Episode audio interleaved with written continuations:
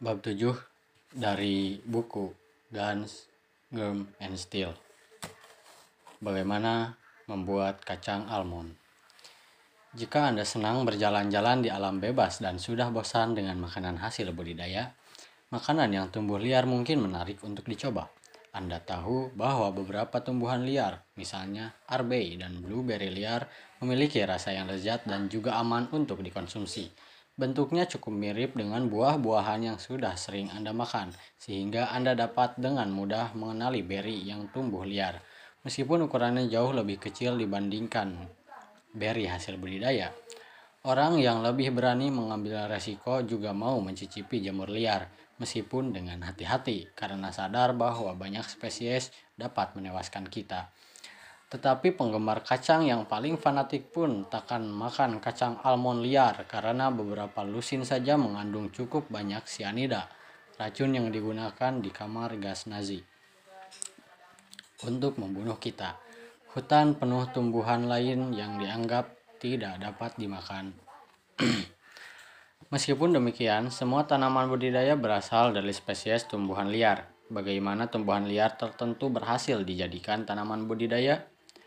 Pertanyaan itu semakin membingungkan jika diingat bahwa banyak tanaman budidaya seperti kacang almond berasal dari pendahulu liar yang mengandung racun, mematikan, atau memiliki rasa tidak enak, dan bahwa tanaman budidaya lain seperti jagung berwujud sangat berbeda dibandingkan leluhur liarnya. Manusia gua mana yang terpikir untuk mendomestikasi tumbuhan dan bagaimana proses itu dapat terlaksana? Domestikasi tumbuhan dapat didefinisikan sebagai pemeliharaan tumbuhan yang baik dengan sengaja maupun tidak, menyebabkan perubahan genetik dari leluhur liarnya dengan cara yang menjadikannya lebih bermanfaat bagi manusia sebagai konsumennya.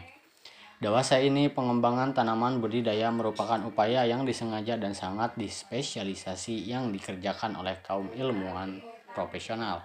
Mereka sudah mengenal ratusan tanaman budidaya yang ada dan bermaksud mengembangkan satu lagi. Untuk mencapai tujuan itu, mereka menanam banyak benih atau akar berbeda, memilih anakan yang paling baik, dan menanam benihnya. Menerapkan pengetahuan mengenai genetika untuk mengembangkan paritas berkualitas baik yang menghasilkan keturunan yang bersifat-sifat yang sama dan mungkin bahkan menggunakan teknik-teknik rekayasa genetika mutakhir untuk mentransfer gen tertentu yang bermanfaat. Di kampus Davis University of California ada satu departemen yang khusus menangani apel dan satu lagi yang menangani buah dan minuman anggur. Tetapi domestikasi tumbuhan telah berlangsung sejak 10.000 tahun lebih.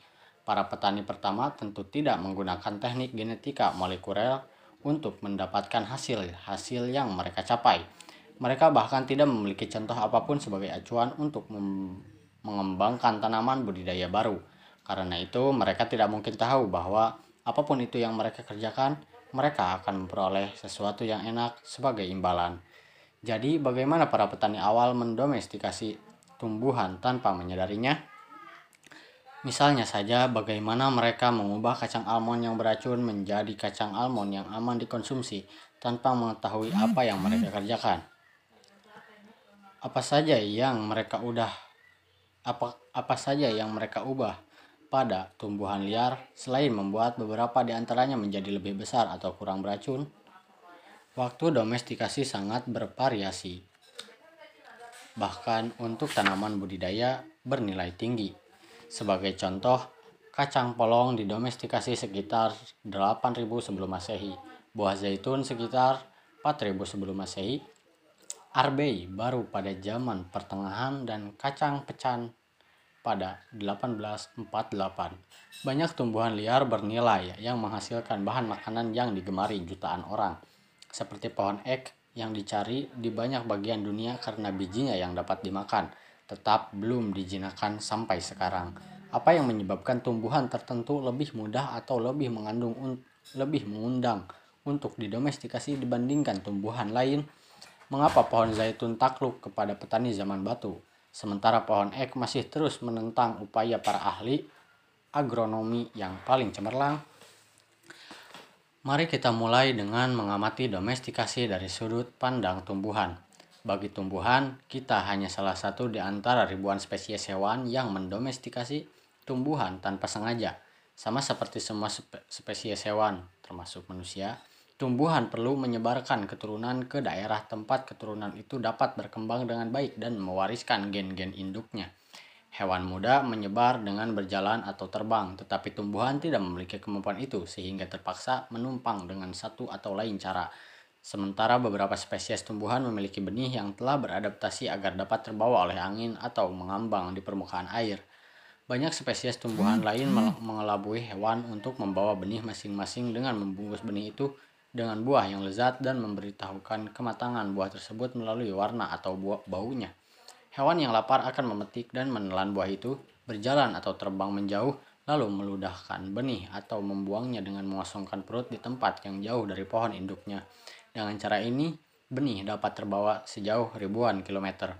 Anda mungkin akan terkejut kalau mendengar bahwa benih tumbuhan dapat melewati sistem pencernaan Anda dan tetap berkecambah pada tinja Anda.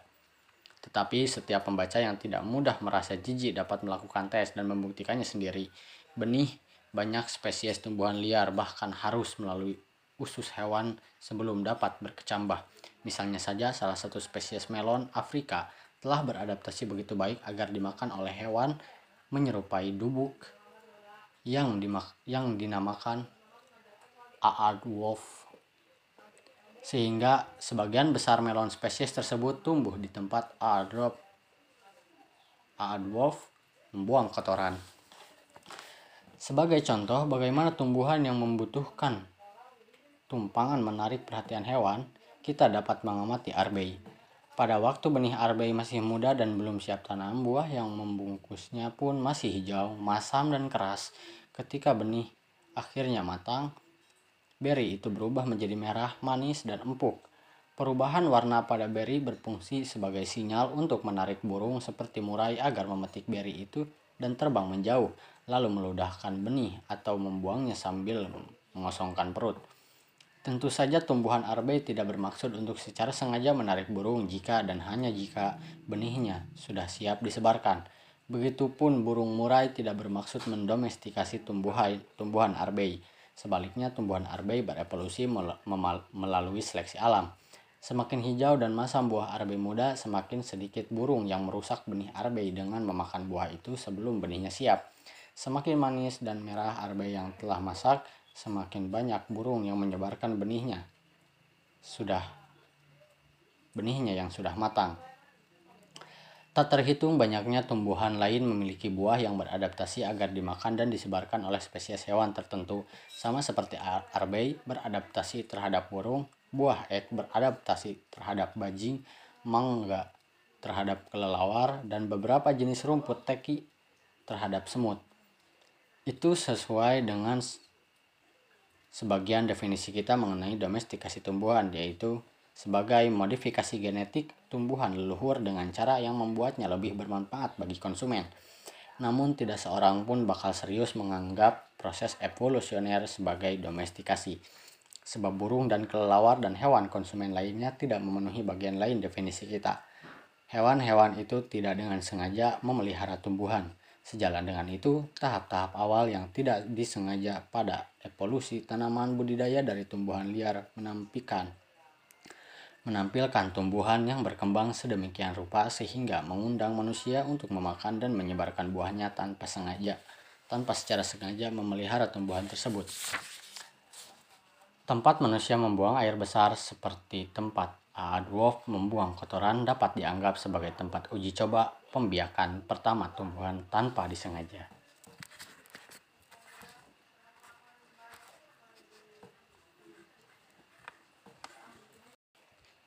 Jamban hanyalah satu dari banyak tempat di mana kita tidak sengaja menabur benih tumbuhan liar yang kita makan. Ketika kita mengumpulkan tumbuhan liar yang bisa dimakan dan membawanya pulang, ada yang tercecer dalam perjalanan kita pulang ke rumah. Sebagian buah membusuk padahal masih mengandung biji yang sangat bagus dan dibuang sebelum dimakan ke tempat ke tempat ke tempat sampah. Sebagai bagian buah yang kita masukkan ke mulut, biji arbei kecil dan pasti tertelan serta keluar bersama kotoran. Namun biji buah-buahan lain cukup besar untuk diludahkan keluar. Dengan demikian, ludah dan tumpukan sampah kita pun menjadi laboratorium penelitian agrikultur pertama bersama jamban kita.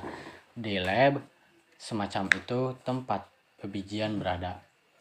Biji cenderung berasal dari individu-individu tertentu tumbuhan-tumbuhan yang bisa dimakan, yakni yang kita pilih untuk makan karena suatu alasan. Anda tahu dari pengalaman Anda memetik buah beri sewaktu kecil bahwa kita memilih beri atau semak beri tertentu pada akhirnya, ketika para petani awal mulai menabur biji dengan sengaja, mereka pastilah menabur biji dari tumbuhan-tumbuhan yang telah mereka pas pilih untuk kumpulkan. Walaupun mereka tidak memahami asas genetik bahwa beri besar memiliki biji yang kemungkinan besar akan tumbuh menjadi semak-semak yang menghasilkan lebih banyak beri besar. Jadi, sewaktu Anda menerabas sesemakan berduri di antara nyamuk pada hari yang panas dan lembab, anda melakukannya bukan untuk sembarang semak arbei, bahkan meskipun secara tidak sadar Anda memutuskan semak mana yang terlihat paling menjijikan dan sepadan dengan segala jerih payah Anda. Apa kriteria tak sadar Anda? Salah satu kriteria tentu saja adalah ukuran. Anda lebih memilih beri besar karena buat apa repot-repot terbakar matahari dan tergigit nyamuk hanya untuk memperoleh beberapa beri kecil yang payah. Itulah sebagian penjelasan mengapa banyak tumbuhan pangan memiliki buah yang jauh lebih besar daripada nenek moyang liar mereka. Kita terutama tahu betul bagaimana arbei dan blueberry di supermarket sungguh raksasa dibandingkan dengan versi liarnya. Perbedaan-perbedaan itu baru timbul dalam beberapa abad terakhir. Perbedaan-perbedaan semacam itu pada tumbuhan-tumbuhan lain berasal sejak awal mula agrikultur, ketika ercis budidaya berevolusi melalui seleksi manusia sehingga menjadi 10 kali lebih berat daripada ercis liar.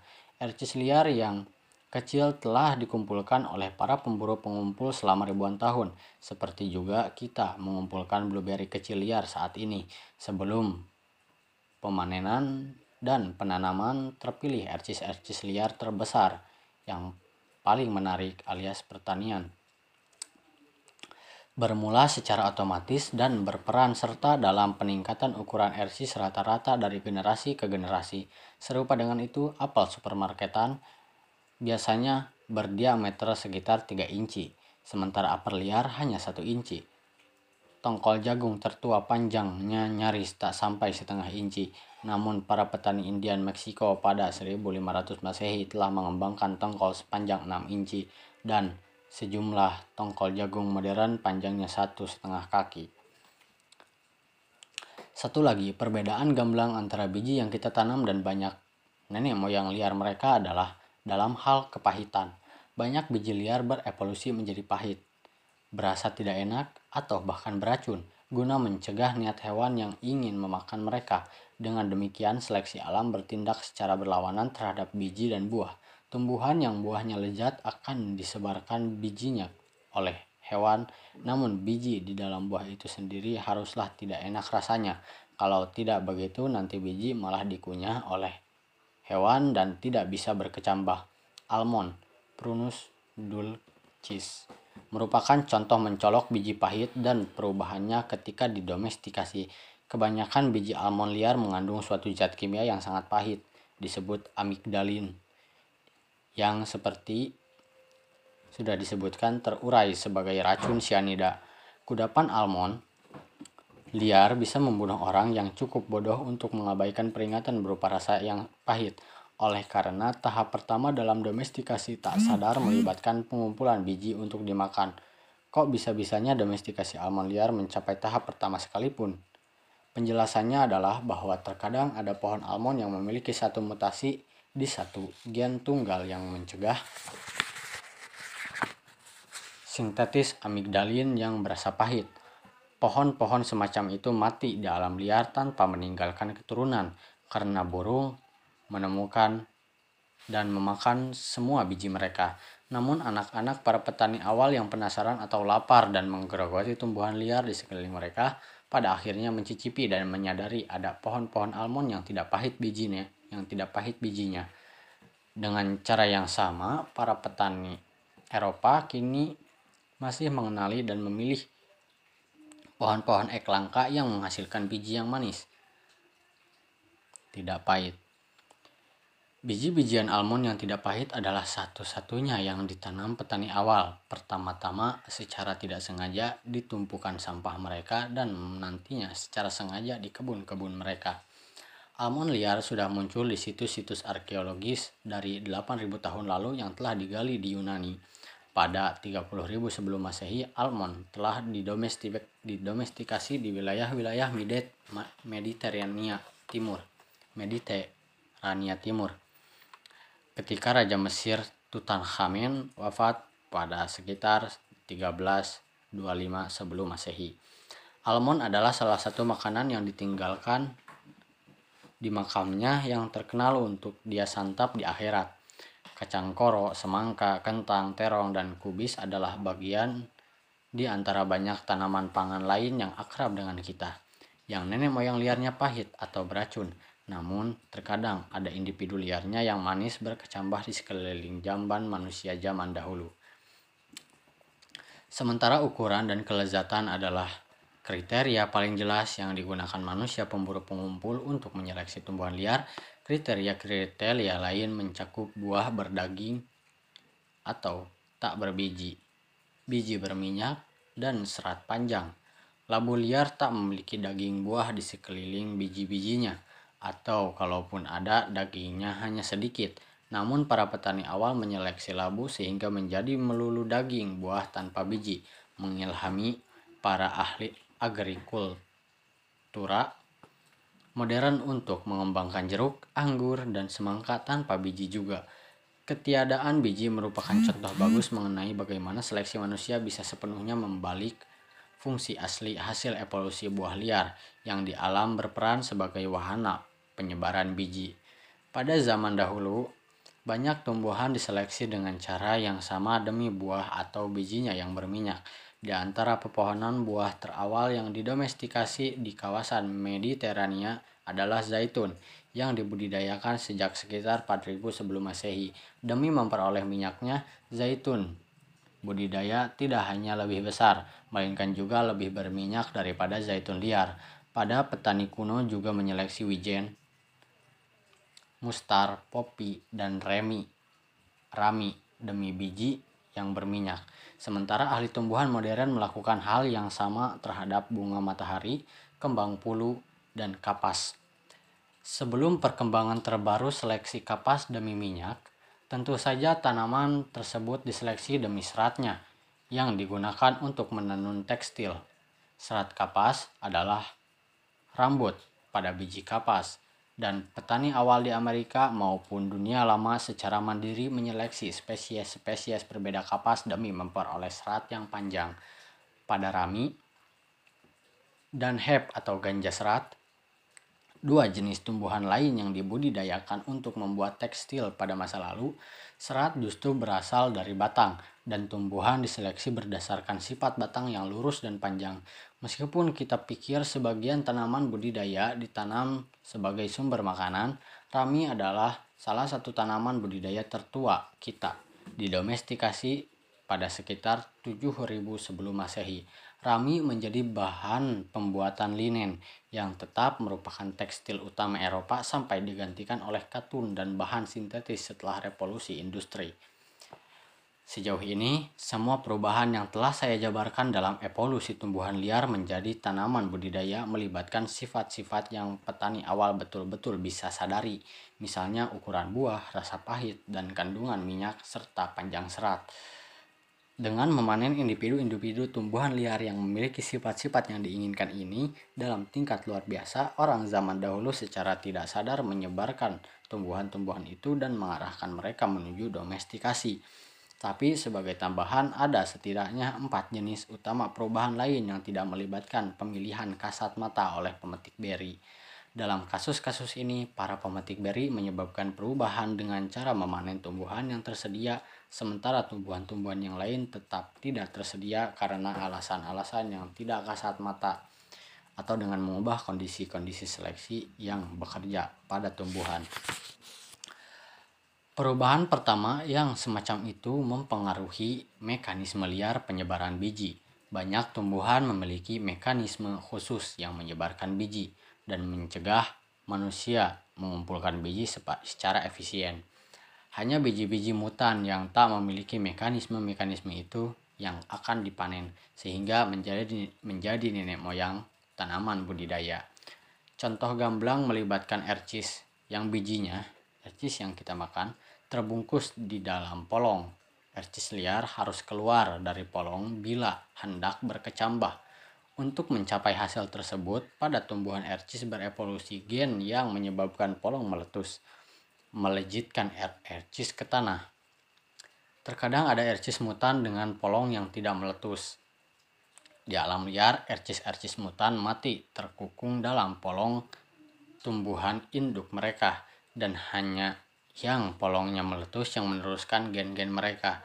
Namun kembali kebalikannya, satu-satunya jenis polong yang tersedia bagi manusia untuk dipanen adalah polong yang tidak meletus dan tersisa di tumbuhan. Dengan demikian, begitu manusia mulai membawa pulang ercis liar untuk dimakan, ada seleksi langsung terhadap mutan gen tunggal itu.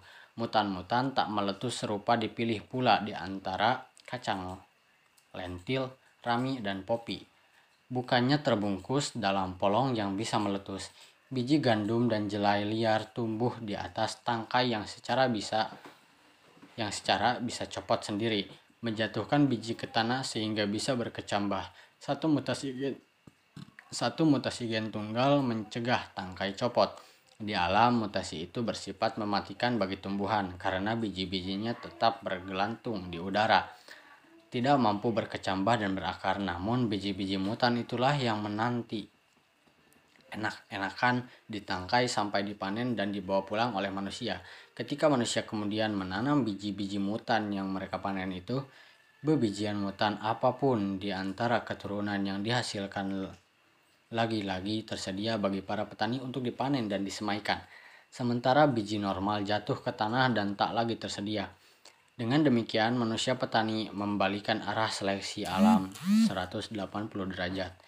Gen yang tadinya sukses mendadak menjadi mematikan, sementara mutan yang mematikan menjadi sukses. Lebih daripada 10.000 tahun silam, seleksi tak sadar terhadap tangkai gandum dan jelai yang tidak copot tampaknya merupakan perbaikan besar pertama oleh manusia terhadap tumbuhan apa pun. Perubahan itu menandai dimulainya agrikultur di bulan sabit subur.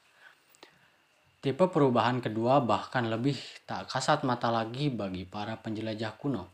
Tumbuhan-tumbuhan setahunan yang tumbuh di daerah dengan iklim yang sangat tidak bisa diperkirakan bisa mati bila semua biji berkecambah dengan cepat secara bersamaan. Seandainya itu terjadi, semayan bisa terbunuh semua oleh kekeringan atau es sehingga tidak ada biji yang tersisa untuk meneruskan spesies tersebut. Oleh karena itu, banyak tumbuhan setahunan telah berevolusi untuk mempertinggi kemungkinan lestari dengan menghambat berkecambah perkecambahan yang membuat biji pada awalnya dorman dan berkecambah secara tidak bersamaan dalam beberapa tahun setelahnya. Dengan cara itu, ketika sebagian besar semayan mati akibat serangan cuaca buruk, akan tersisa sejumlah biji untuk berkecambah nantinya. Adaptasi umum untuk mempertinggi kemungkinan lestari dengan cara perkecambahan secara tidak bersamaan oleh tumbuhan liar adalah membungkus biji dalam selaput atau pelindung tebal. Di antara banyak tumbuhan dengan adaptasi semacam itu ada gandum, jelai, ercis, rumi, dan bunga matahari. Sementara biji yang bisa berkecambah belakangan masih memiliki kesempatan untuk berkecambah di alam. Bayangkan apa yang pastilah terjadi sewaktu pertanian berkembang Para petani awal tentunya menemukan melalui coba-coba bahwa mereka bisa memperoleh panenan yang lebih banyak dengan cara membajak dan mengairi tanah, serta kemudian menanam biji. Ketika itu dilakukan, biji-biji yang langsung berkecambah pun tumbuh menjadi tanaman yang bijinya dipanen dan tanaman tahun berikutnya. Namun banyak biji liar tidak langsung berkecambah dan tidak menghasilkan panen apa-apa. Terkadang ada individu mutan di antara tumbuhan liar yang tak memiliki selaput biji tebal ataupun penghama, penghambat perkecambahan lain. semua mutan semacam itu dengan segera berkecambah dan menghasilkan biji mutan yang lantas dipanen. Para petani awal pasti tidak menyadari perbeda perbedaan itu, tidak seperti ketika mereka menyadari dan secara selektif memanen beri berukuran besar. Namun, siklus menanam, merawat, memanen, menanam pastilah secara langsung dan secara tidak sadar memiliki mutan-mutan itu. Seperti perubahan dalam hal penyebaran biji, perubahan, penghambatan, perkecambahan, membedakan gandum, jelai, ercis, dan banyak tanaman budidaya lain dengan nenek moyang liar mereka. Tipe perubahan besar terakhir yang tak kasat mata bagi para petani awal melibatkan reproduksi tumbuhan.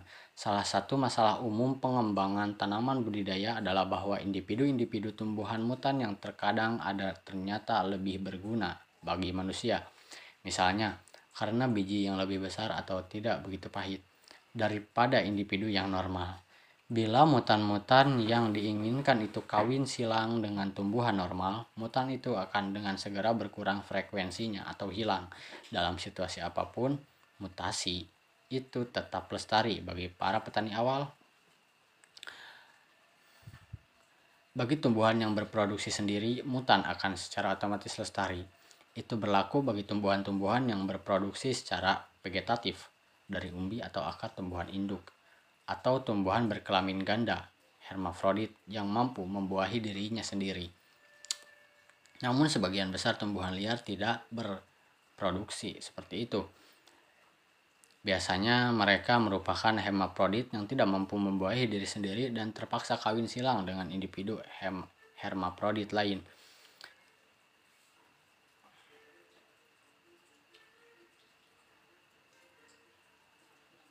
atau merupakan tumbuhan dengan individu-individu jantan dan betina yang terpisah, seperti semua mamalia normal. Jenis tumbuhan yang pertama kita istilahkan hermaprodit tak kompatibel diri. Jenis yang kedua kita sebut spesies berumah dua. Keduanya tidak bagus untuk para petani kuno yang bisa dengan secara kehilangan mutan dengan sifat menguntungkan apa pun tanpa paham mengapa. Pemecahan masalah itu melibatkan satu lagi jenis perubahan tak kasat mata. Banyak mutasi tumbuhan yang mempengaruhi sistem reproduksi itu sendiri. Jumlah individu mutan mengembangkan buah tanpa harus diserbuki terlebih dahulu, menghasilkan pisang, anggur, jeruk, dan nanas kita yang tak berbiji. Sejumlah hermaprodit mutan kehilangan sifat kompatibel diri, dan menjadi mampu membuahi diri sendiri. Proses yang dialami banyak pepohonan buah seperti plum, persik, apel, aprikot, dan cherry. Sejumlah anggur mutan yang normalnya memiliki individu jantan dan betina terpisah juga menjadi hermaprodit yang membuahi diri sendiri. Dengan segala cara demikian, para petani kuno yang tidak memahami biologi reproduksi tumbuhan akhirnya tetap mendapatkan tanaman budidaya berguna yang bergalur murni dan cocok ditanam kembali. Bukan mutan-mutan yang awalnya menjanjikan, namun dengan keturunan tak berharga yang lantas lenyap selamanya. Dengan demikian, para petani menyeleksi individu-individu tumbuhan berdasarkan tak hanya sifat yang bisa diindra secara ukuran dan rasa, namun juga sifat-sifat tak kasat mata seperti mekanisme penyebaran biji, penghambatan perkecambahan, dan biologi reproduksi. Secara akibatnya, sebagai akibatnya, berbagai tumbuhan terseleksi dalam sifat-sifat yang cukup berbeda atau bahkan bertolak belakang. Sejumlah tumbuhan, misalnya bunga matahari, diseleksi demi biji yang lebih besar, sementara yang lain, misalnya pisang, diseleksi demi biji yang lebih kecil atau bahkan tanpa biji. Selada diseleksi demi daun yang berlimpah meskipun tanpa biji atau buah. Gandum dan bunga matahari demi biji tanpa perlu daun. Sementara labu demi buahnya tanpa memperdulikan daunnya. Contoh-contoh yang sangat bagus adalah satu spesies tumbuhan liar yang diseleksi secara berbeda-beda demi tujuan berbeda-beda dan karenanya memunculkan tanaman-tanaman budidaya yang cukup besar perbedaan lahiriahnya. Beet yang sudah dibudidayakan sejak zaman Babilonia demi daunnya, seperti varietas beet modern yang disebut chard. Kemudian dikembangkan demi akarnya yang bisa dimakan dan akhirnya di abad ke-16 demi kandungan gulanya. Tumbuhan nenek moyang kubis yang aslinya barangkali dibudidayakan demi bijinya yang berminyak mengalami diversifikasi yang lebih besar lagi karena mereka lantas diseleksi berdasarkan aneka ragam tujuan. Demi daunnya, kubis modern dan kale, batangnya, kohlrabi, tunasnya, Brussels sprouts, ataupun tunas bunganya, kembang kol, dan brokoli. Sejauh ini kita telah membahas perubahan-perubahan tumbuhan liar menjadi tanaman budidaya akibat seleksi oleh para petani secara sadar maupun tidak. Dengan kata lain, para petani pada awalnya menyeleksi biji-biji dari individu-individu tumbuhan liar tertentu untuk dibawa ke kebun mereka dan kemudian memilih biji-biji keturunan tertentu setiap tahun untuk tanaman untuk ditanam di kebun tahun berikutnya. Namun banyak perubahan itu juga terjadi sebagai akibat tumbuhan-tumbuhan yang menyeleksi diri sendiri. Ungkapan Darwin, seleksi alam mengacu pada individu-individu tertentu dalam suatu spesies yang lestari dengan lebih baik dan atau berproduksi secara lebih berhasil daripada individu-individu pesaingnya dalam spesies yang sama pada kondisi-kondisi alami. Sebagai akibatnya, Proses-proses alami berupa perbedaan kemampuan bertahan hidup dan berevolusi pun melakukan seleksi. Bila kondisi berubah, jenis-jenis individu yang berbeda kini mungkin sintas dan berproduk, bereproduksi lebih baik sehingga menjadi terseleksi alami. Dengan, dengan hasil bahwa populasi itu pun mengalami perubahan evolusioner. Contoh klasik adalah perkembangan melanisme industri pada ngengat Britania Individu-individu ngengat yang lebih gelap menjadi relatif lebih banyak jumlahnya daripada individu-individu yang pucat sewaktu lingkungan menjadi lebih kotor selama abad ke-19. Sebab ngengat gelap yang hinggap di pohon yang gelap dan kotor lebih mungkin lolos dari perhatian pemangsa daripada ngengat pu pucat yang warnanya kontras dengan pohon. Sebagaimana revolusi industri mengubah lingkungan bagi bagi ngengat, pertanian mengubah lingkungan bagi tumbuhan, kebun yang dibajak, dipupuk, diairi, dan disiangi, memberikan kondisi tumbuh yang sangat berbeda daripada di lereng bukit yang kering dan tak dipupuk. Banyak perubahan tumbuhan dalam domestikasi adalah akibat perubahan kondisi semacam itu dan juga perubahan-perubahan tipe-tipe individu yang menjadi unggul dalam kondisi yang baru. Misalnya, Ketika seorang petani menanam biji dengan rapat di sepetak kebun, ada persaingan hebat antara biji-biji itu. Biji besar yang bisa memanfaatkan kondisi yang baik untuk tumbuh cepat jadi lebih unggul daripada biji kecil yang tadinya unggul di lereng bukit yang kering dan tak dipupuk, di mana biji tak begitu berdekatan dan kompetisi tidak seberapa hebat. Kompetisi yang meningkat seperti itu di antara tumbuhan-tumbuhan menyebabkan ukuran biji makin besar dan banyak perubahan lain yang berkembang setelah peralihan tumbuhan liar menjadi tanaman budidaya.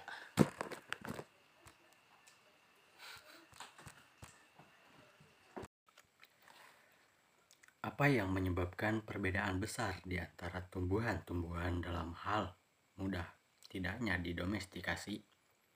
Misalnya ada spesies yang didomestikasi sejak lama sementara spesies lain baru didomestikasi saat zaman pertengahan. Dan masih banyak tumbuhan liar lain yang ternyata kebal terhadap segala aktivitas kita. Kita bisa menyimpulkan banyak jawaban dari mengkaji urutan-urutan perkembangan berbagai tanaman budidaya seperti yang diketahui dari bulan sabit subur Asia Barat Daya.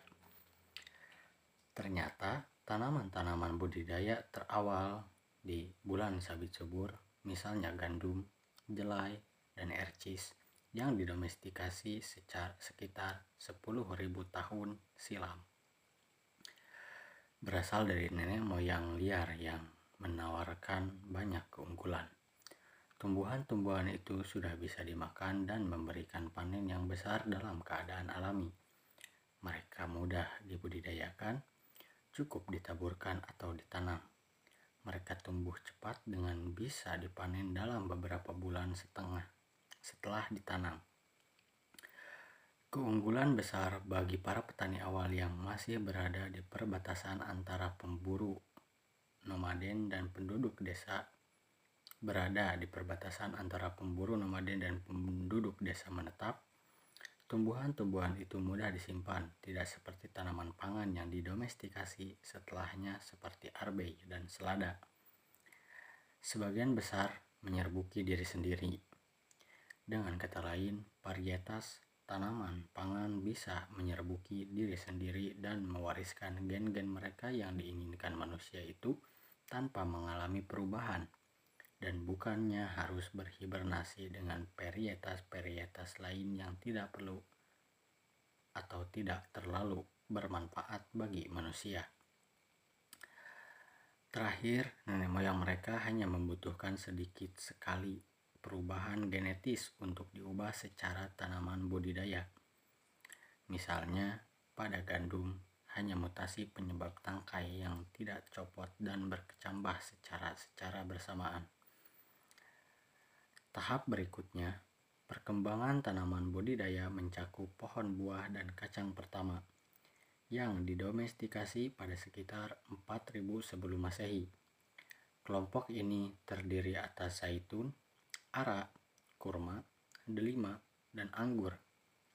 Dibandingkan padi-padian dan polong-polongan, tumbuhan tersebut memiliki kelemahan, yaitu baru mulai menghasilkan makanan setidaknya tiga tahun setelah ditanam dan baru mencapai produksi penuh setelah satu dasawarsa. Dengan demikian, budidaya tanaman-tanaman ini hanya mungkin bagi orang-orang yang sudah sepenuhnya hidup menetap. Namun, pepohonan buah dan kacang-kacangan tersebut tetap merupakan yang paling mudah dibudidayakan di antara pepohonan sejenis. Tidak seperti pohon-pohon yang didomestikasi kemudian. Buah-buahan itu bisa dibudidayakan langsung dengan cara menanam satek atau bahkan biji.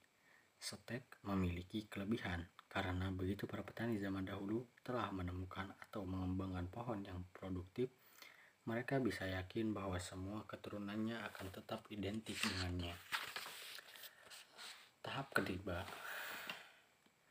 tahap ketiga ketiga melibatkan pepohonan buah yang ternyata jauh lebih sulit dibandingkan antara lain apel, pir, palm, dan ceri. Pohon-pohon tersebut tak bisa ditumbuhkan dari stek. Sia-sia pula mencoba menumbuhkan mereka dari biji, sebab keturunan dari pohon yang sifat-sifatnya unggul sangatlah beragam, dan sebagian besar menghasilkan buah yang kurang unggul. Pohon-pohon itu justru harus ditumbuhkan dengan teknik cangkok yang sulit, yang dikembangkan di Cina lama setelah agrikultur, agrikultur bermula. Metode cangkok susah dilaksanakan biarpun kita sudah memahami prinsipnya, dan prinsipnya sendiri hanya bisa ditemukan melalui percobaan sadar. Penciptaan metode cangkok bukan sekedar soal Seorang nomaden buang hajat lalu kemudian kembali dan terkejut senang melihat tanaman buah-buah buah bagus yang dihasilkan. Banyak pohon buah tahap akhir menghadirkan masalah lebih jauh karena nenek moyang liar mereka justru tidak melakukan penyerbukan sendiri. Mereka diserbuki silang oleh tumbuhan lain yang berasal dari varietas yang berada yang berbeda secara genetik dalam spesies mereka. Oleh karena itu, petani awal harus menemukan pohon mutan yang tak butuh penyerbukan silang atau harus harus secara sadar menanam varietas yang berbeda secara genetik atau individu-individu jantan dan betina secara berdekatan di kebun yang sama. Semua masalah itu membuat domestikasi apel, pir, plum, dan cherry tertunda secara sampai sekitar zaman klasik. Tapi pada kira-kira waktu yang sama, sekelompok lagi hasil domestikasi belakangan muncul tanpa terlalu banyak upaya keras. Sebagai tumbuhan liar yang menetapkan diri pada awalnya sebagai gulma di ladang-ladang tanaman yang sengaja dibudidayakan, tanaman pangan yang bermula sebagai gulma antara lain gandum hitam dan haper, lobak-lobakan, bit, daun bawang prei, dan selada. Walaupun urutan-urutan terperinci yang baru saja saya jabarkan ber berlaku untuk bulan sabit subur. Urutan-urutan yang ada, kemiripannya juga muncul di tempat-tempat lain di dunia. Gandum dan jelai bulan sabit merupakan contoh kelompok tanaman budidaya yang disebut padi-padian. Anggota famili rumput-rumputan, sementara ercis dan kacang India bulan sabit subur merupakan contoh polong-polongan. Anggota famili legum yang mencakup antara lain buncis. Tanaman padi-padian memiliki keunggulan karena tumbuh cepat, kaya karbohidrat dan bisa menghasilkan panen sebanyak satu ton makanan untuk setiap hektar yang digarap.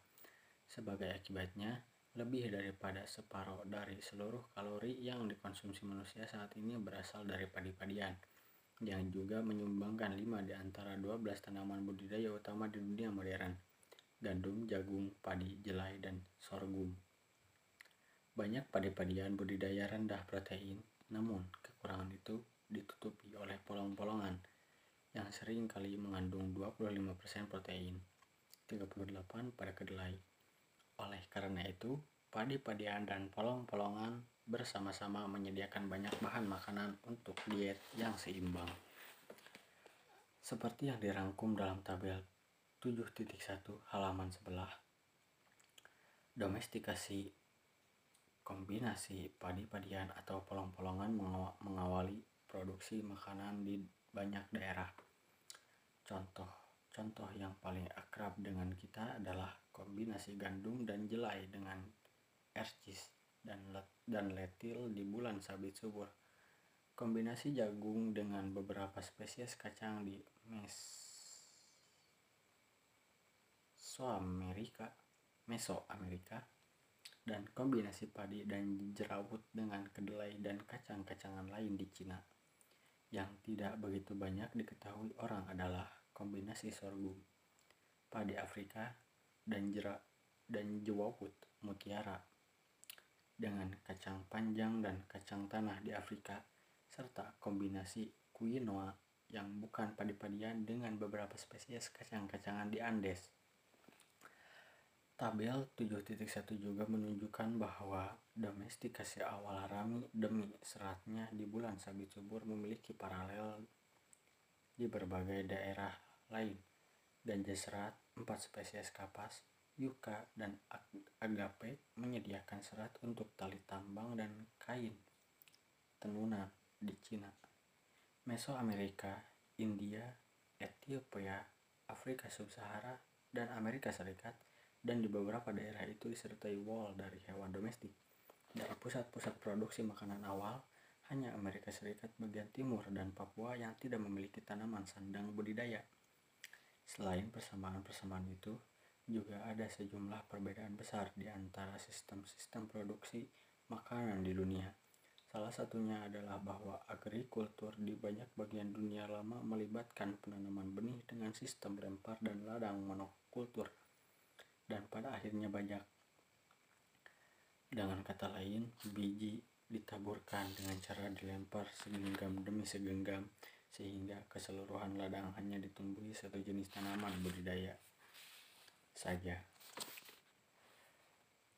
Begitu sapi, kuda, dan mamalia besar lain terdomestikasi, hewan-hewan itu pun diikatkan ke bajak, dan ladang pun dibajak dengan tenaga hewan. Namun di dunia baru tidak pernah ada hewan domestik yang bisa dikaitkan ke bajak. Kadang dunia baru selalu dibajak dengan tangan atau pacul yang dipegang dengan tangan dan biji ditaman satu persatu dengan tangan bukan disebar segenggam demi segenggam. Kebanyakan ladang dunia baru pun menjadi kebun campuran dari macam-macam tanaman pangan yang ditanam bersama, bukan monokultur. Satu lagi perbedaan utama antar sistem agrikultur melibatkan sumber utama kalori dan karbohidrat seperti telah kita lihat, sumber utama itu adalah padi-padian di banyak daerah. Tapi di daerah lain, peran padi-padian diambil alih atau dibagi dengan akar-akaran dan umbi-umbian yang tidak penting di bulan sabit subur.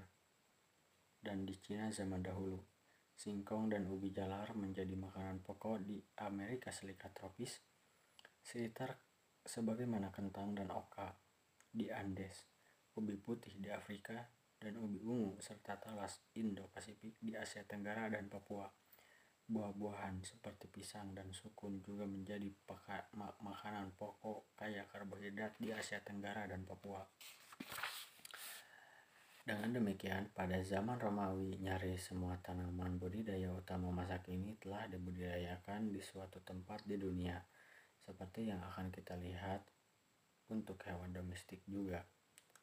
Para pemburu pengumpul zaman dahulu sangat akrab dengan tumbuhan liar setempat, dan para petani zaman dahulu terbukti menemukan dan mendomestikasi hampir semua tumbuhan yang layak didomestikasi. Tentu saja para biarawan zaman pertengahanlah yang mulai membudidayakan arbei dan frambosen dan para pembiak tumbuhan modern masih meningkatkan tanaman-tanaman budidaya kuno dan telah menambahkan sejumlah tanaman budidaya minor, terutama beberapa jenis beri-berian dan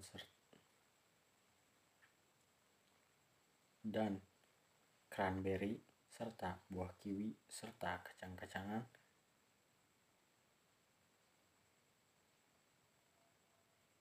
pecan dan mete.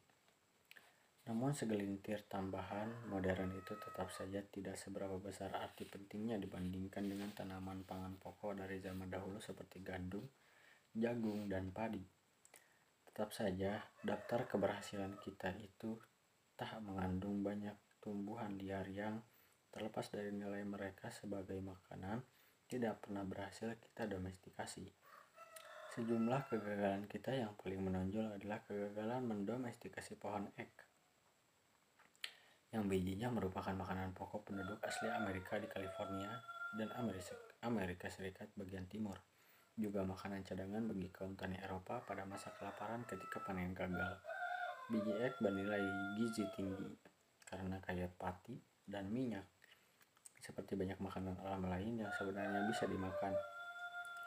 Kebanyakan biji ek mengandung tanin yang pahit namun, para penyuka biji ek belajar menangani tanin dengan cara yang sama dengan menangani zat kimia pahit dalam almond dan tumbuh-tumbuhan liar lain. Entah itu menggiling dan membilas biji ek agar taninnya hilang, atau entah memanen biji ek dari individu pohon ya ek mutan langka yang rendah tanin. Mengapa kita gagal mendomestikasi sumber makanan bernilai tinggi semacam biji ek? Mengapa kita perlu waktu lama untuk mendomestikasi arbei dan frambozen? Apa sifat tumbuhan-tumbuhan itu yang menjadikan domestikasi mereka di luar jangkauan para petani zaman dahulu yang mampu menangani teknik sulit seperti pencangkokan? Ternyata ada tiga sifat pohon ek yang mempersulit petani. Pertama, pertumbuhan ek yang lamban pasti membuat kebanyakan petani kehilangan kesabaran. Menabur gandum akan menghasilkan panen dalam beberapa bulan. Almond yang ditanam tumbuh menjadi pohon penghasil kacang dalam 3 atau 4 tahun. Namun biji ek yang ditanam mungkin baru produktif setelah satu dasawarsa atau lebih. Kedua, pohon ek berevolusi untuk membuat kacang dengan ukuran dan rasa yang cocok untuk bajing, yang kita biasa lihat mengubur, menggali, dan memakan biji ek. Ek tumbuh dari biji yang terkadang bajing lupa gali kembali. Dengan miliaran bajing yang menyebarkan ratusan biji ek setiap tahun ke semua tempat yang cocok bagi tumbuhan tumbuhnya pohon ek. Kita manusia tak punya kesempatan menyeleksi ek untuk mencari biji yang kita inginkan. Masalahnya masalahnya yang sama itu, pertumbuhan lambat dan bajing yang cepat. Barangkali juga merupakan penjelasan dibalik tidak didomestikasinya pohon big yang dieksploitasi habis-habisan sebagai pohon liar demi memperoleh kacangnya oleh orang-orang Eropa dan pohon hickory oleh orang-orang Amerika yang mengalami nasib sama. Terakhir barangkali perbedaan paling penting antara buah almond dan biji ek adalah rasa pahit dikendalikan satu gen dominan tunggal pada almond, namun tampaknya dikendalikan banyak gen pada ek.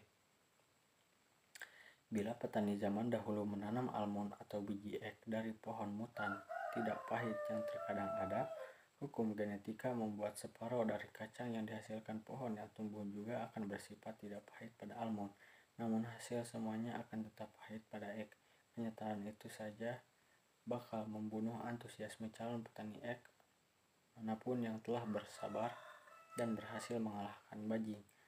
Kalau soal arbei dan frambozen, kita punya masalah serupa dalam berkompetisi dengan burung anis dan burung-burung penyuka beri lainnya. Ya, orang Romawi memang merawat arbei liar di kebun mereka, namun dengan miliaran anis Eropa yang mengeluarkan kotoran mengandung biji arbei liar di segala tempat yang memungkinkan, termasuk kebun-kebun Romawi. Arbei tetap berupa beri kecil yang diinginkan burung anis, bukan beri besar yang diinginkan manusia. Baru setelah ada perkembangan berupa jaringan pelindung dan rumah kaca, kita akhirnya bisa mengalahkan burung-burung anis dan membentuk kembali arbei dan prambozen sesuai standar kita sendiri. Dengan demikian kita telah lihat bahwa perbedaan antara arbei supermarket raksasa dan arbei liar mungil hanya satu dari berbagai ciri yang membedakan tanaman budidaya dengan nenek moyang liar. Perbedaan itu awalnya muncul dari variasi alami di antara tumbuhan liar. Sebagai, sebagai Sebagiannya, misalnya variasi ukuran beri atau rasa pahit kacang, pasti mudah disadari petani zaman dahulu. Variasi lain misalnya mekanisme penyebaran biji atau dominasi biji tidak disadari oleh manusia sebelum berkembangnya botani modern. Namun terlepas dari apakah seleksi tumbuhan liar yang bisa dimakan oleh penjelajah zaman dahulu dilakukan secara sadar atau tak sadar, Evolusi tumbuhan liar yang terjadi sebagai akibatnya menjadi tanaman budidaya pada awalnya merupakan proses yang tak disadari. Proses itu tak pelak terjadi akibat kegiatan kita menyeleksi di antara individu-individu tumbuhan liar dan dari kompetisi antara individu-individu tumbuhan di kebun yang mengumpulkan individu-individu yang berbeda dari yang diunggulkan di alam. Oleh karena itulah Darwin dalam buku akrabnya on the Origin of Species tidak mengawali dengan penjabaran mengenai seleksi alam. Bab pertamanya justru penjabaran panjang lebar mengenai bagaimana tumbuhan dan hewan domestik berkembang melalui seleksi buatan oleh manusia. Bukannya membahas burung-burung di Kepulauan Galapagos yang biasa kita kaitkan dengannya. Darwin justru mulai dengan membahas bagaimana para petani mengembangkan berbagai varietes Go gooseberry, gooseberry dia menulis, aku telah melihat keterkejutan besar yang dinyatakan dalam karya-karya hortikultura mengenai keterampilan hebat para tukang kebun, karena telah berhasil memberikan hasil-hasil luar biasa dari bahan yang sedemikian payah.